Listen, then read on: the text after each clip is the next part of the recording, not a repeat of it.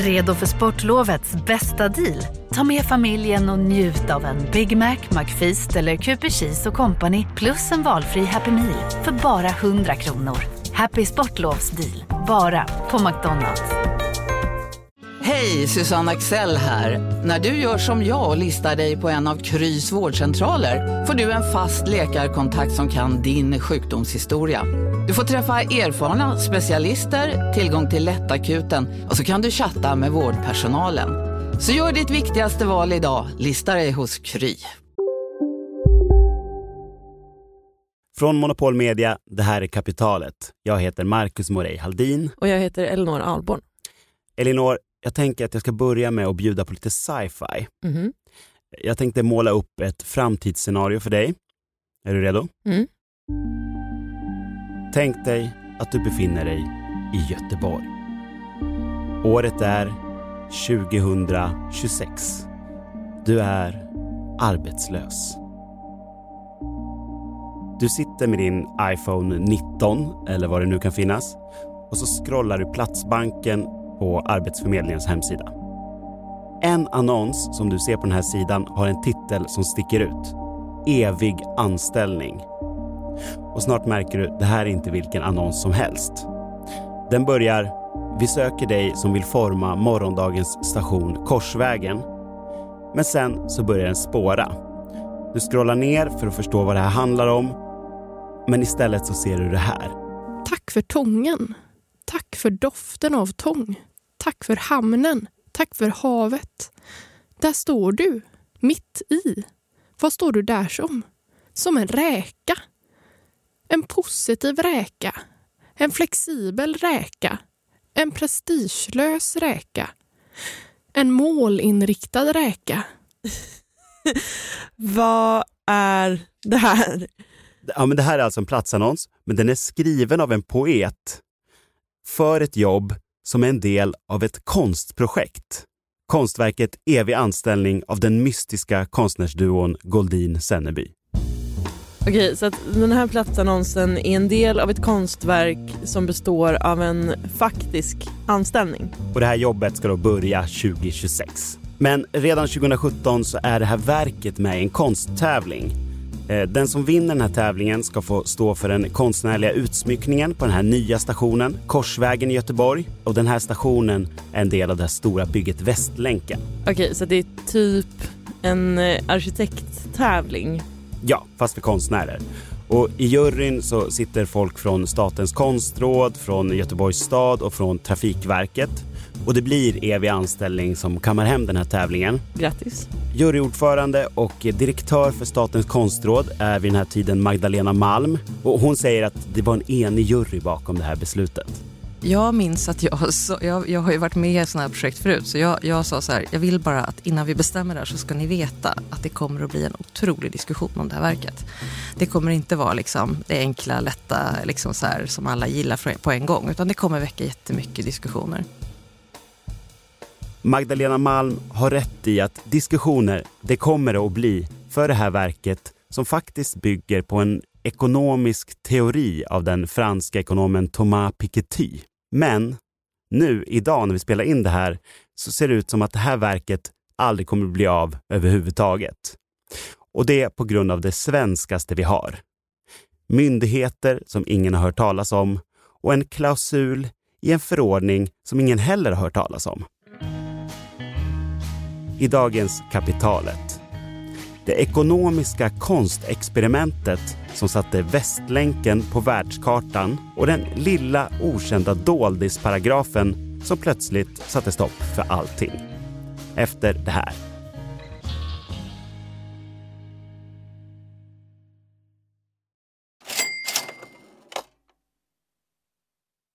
Kapitalet sponsras av SPP och Storebrand Asset Management.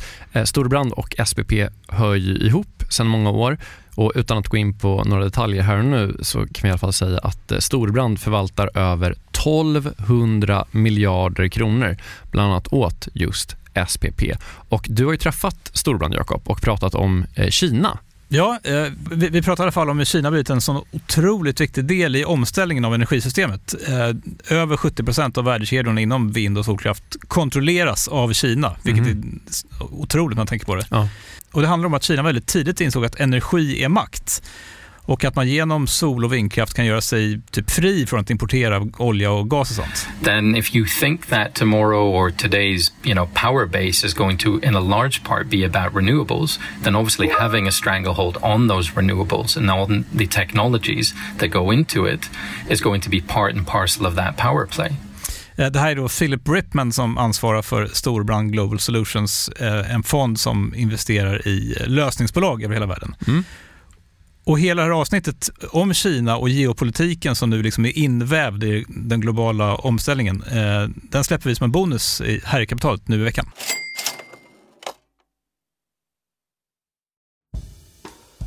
Okej, så 2017 så är det en stor konsttävling om att få utforma Korsvägen som är en eh, ny station som ska byggas i Göteborg.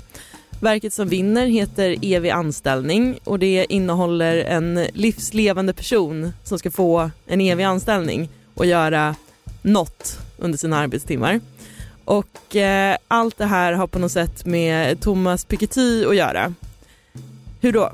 Jo, men han skrev ju den där boken Kapitalet i det 21 århundradet som först publicerades 2013. Eh, just det, eh, minns den. Riktig kioskvältare. Och den utgår då från flera hundra års data om inkomster och kapital och hur de har fördelats i samhället kan man säga. Och nu får alla Piketty-heads där ute ursäkta för den här väldigt grundläggande sammanfattningen. Men hans analys visar då att kapital med tiden inte tenderar att spridas och liksom sippra ner så att alla får det bättre i samhället i samma takt. Utan tvärtom så koncentreras då rikedomen till ett fåtal. Just det, och då ökar klyftorna med tiden. Ja, och en grej som får ett väldigt genomslag är en formel som beskriver den här tendensen. Då. På engelska så lyder den R är större än G. R är return, eller kapitalavkastning, och G är growth, eller tillväxt. Och när R växer mer än G så blir det mer ojämlikt. Eh, och det här gäller särskilt när tillväxten i ekonomin inte är jättestor. Okej, så att eh, i sämre tider så tjänar de som redan har kapital ännu mer. Exakt, och Piketty menar att så här har det sett ut för det mesta sedan 1980 typ. Och det är det här som konstverket Evig anställning handlar om. Alltså att ojämlikheten ökar när R är större än G. Hela verket är som ett experiment där man ska se om Piketty har rätt. Och då ska de alltså illustrera det på något sätt med den här eviga anställningen. Precis, alltså konstnärerna Goldin och Sonneby ska investera pengarna som de får för utsmyckningen, eller det mesta av det, ungefär 6 miljoner, i fonder. De pengarna växer år för år och med avkastningen så kan man betala lön för den här personen som får en evig anställning. Okej, och eh, vad är själva jobbet då? Alltså, vad, vad var det i annonsen? Klä ut sig till en göteborgsk räka, är det det man ska göra? Nej, den som får det här jobbet när stationen väl invigs då 2026 som är planen ska själv bestämma vad den ska göra om dagarna. Enda kravet som finns det är att du ska stämpla in på morgonen och stämpla ut på eftermiddagen. Okej, så att man ska visa att det går att leva på avkastning på kapital helt enkelt eh, utan att jobba. Fast också genom att jobba på sättet att man måste stämpla in och stämpla ut och typ befinna sig på stationen. Ja, eller de behöver inte ens befinna sig på stationen för att få de här 21 600 som lönen ska vara till en början. Man behöver bara stämpla in och stämpla ut. Juryordförande Magdalena Malm från Statens konstråd, hon var minst sagt förtjust i det här förslaget som skulle ta Piketty från boksidorna till perrongen. Ibland blir det ju en illustration, det är ju lite mindre intressant. För det är lite ytligare. Det är så här, ah, han tänkte så här, man kan göra den här bilden.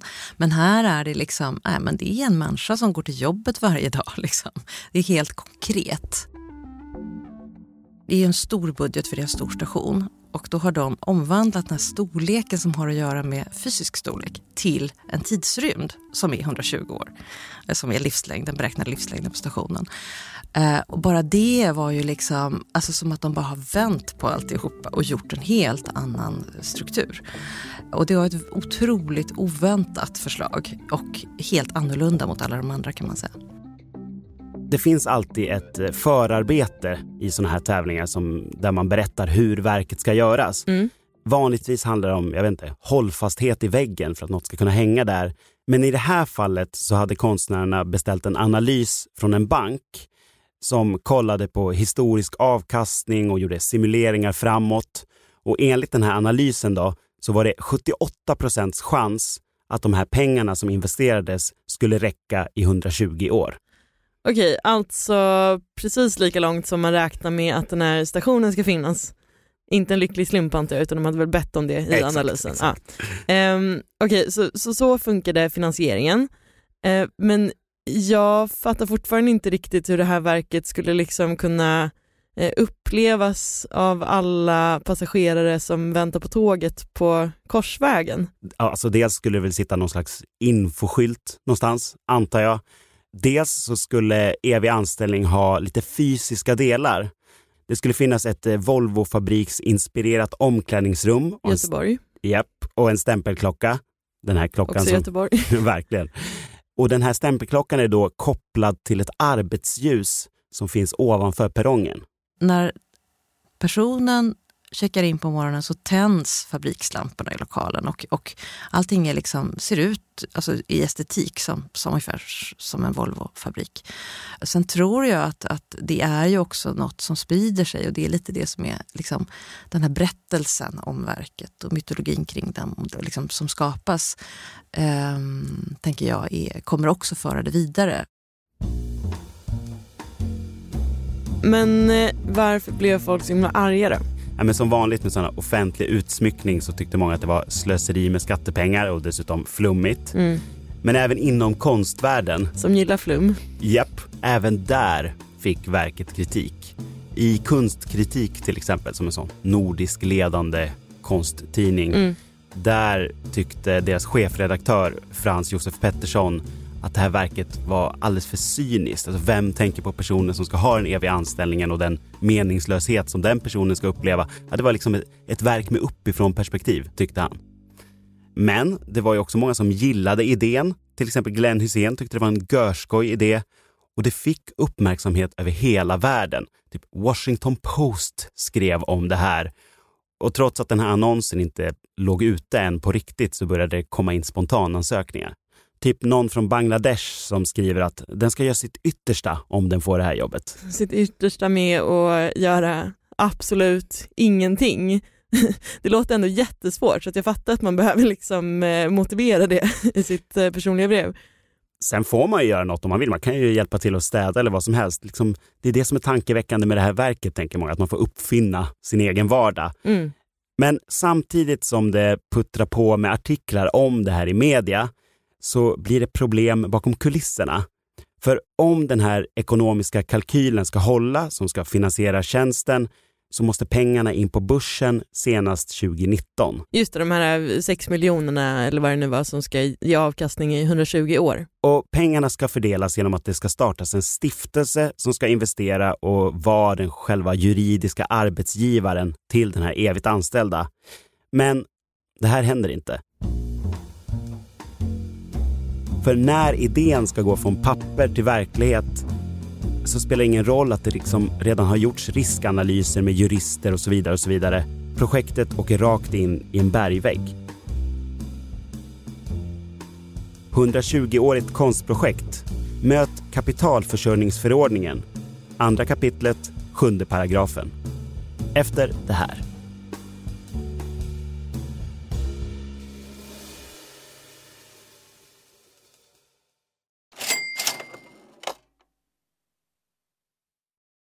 Jakob, vi har ett samarbete med Pareto Business School och det här är jag rejält nyfiken på. För att eh, eh, så här, vi jobbar ju sida vid sida, bokstavligen, sitter bredvid varandra och då och då så håller du upp ett finger och säger nu måste du vara tyst i en timme för nu ska jag eh, göra något Pareto. Exakt. Ja. Eh, Jag gillar ju att lära mig nya saker, det det gör ju många journalister. Eh, Så den här våren går jag då en åtta veckor lång så kallad mini-MBA. Eh, Alltså jag hade gärna gått riktig MBA också, men, men ja, jag har inte tiden det kräver och, och framförallt ingen arbetsgivare som vill betala 800 000 för att låta mig göra det. Nej, eller kanske du har. Du är ju arbetsgivare. ja, snål, snål arbetsgivare. Mm.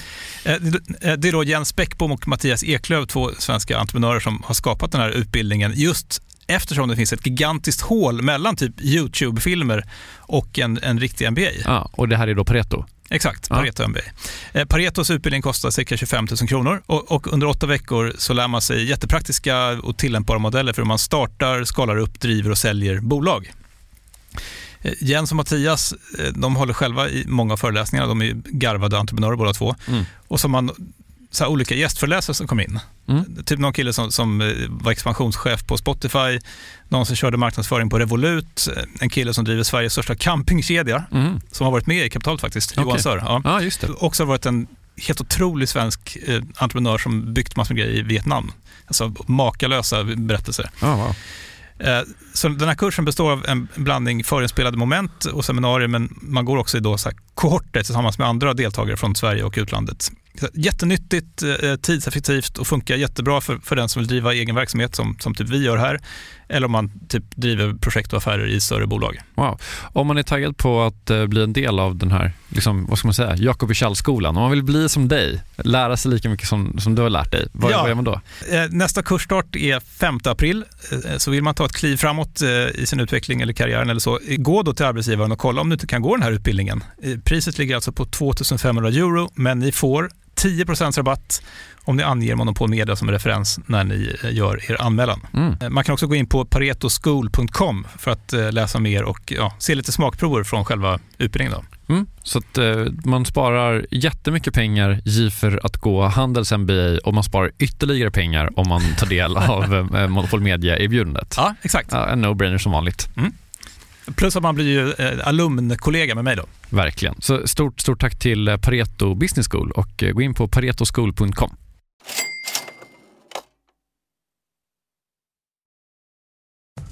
Okej, så konstverket Evig anställning ska bli en del av en ny station i Göteborg. Och tanken är att 6 miljoner kronor ska läggas in i en stiftelse som sen investerar på börsen. Och sen ska avkastningen bli en lön till en livslevande person som ska stämpla in och stämpla ut och göra typ ingenting. Och det här ska börja 2026 i samband med att stationen står klar. Men sen så krockar konstverket rakt in i en paragraf. Eller som Göteborgs-Posten ganska dramatiskt kallar det när det här blir allmänt känt, en okänd klausul. Den klausulen finns i kapitalförsörjningsförordningen och lyder så här. Statliga myndigheter får inte utan regeringens medgivande förvärva aktier eller andelar i ett företag eller göra kapitaltillskott eller på annat sätt öka statens röst eller ägarandel i ett företag.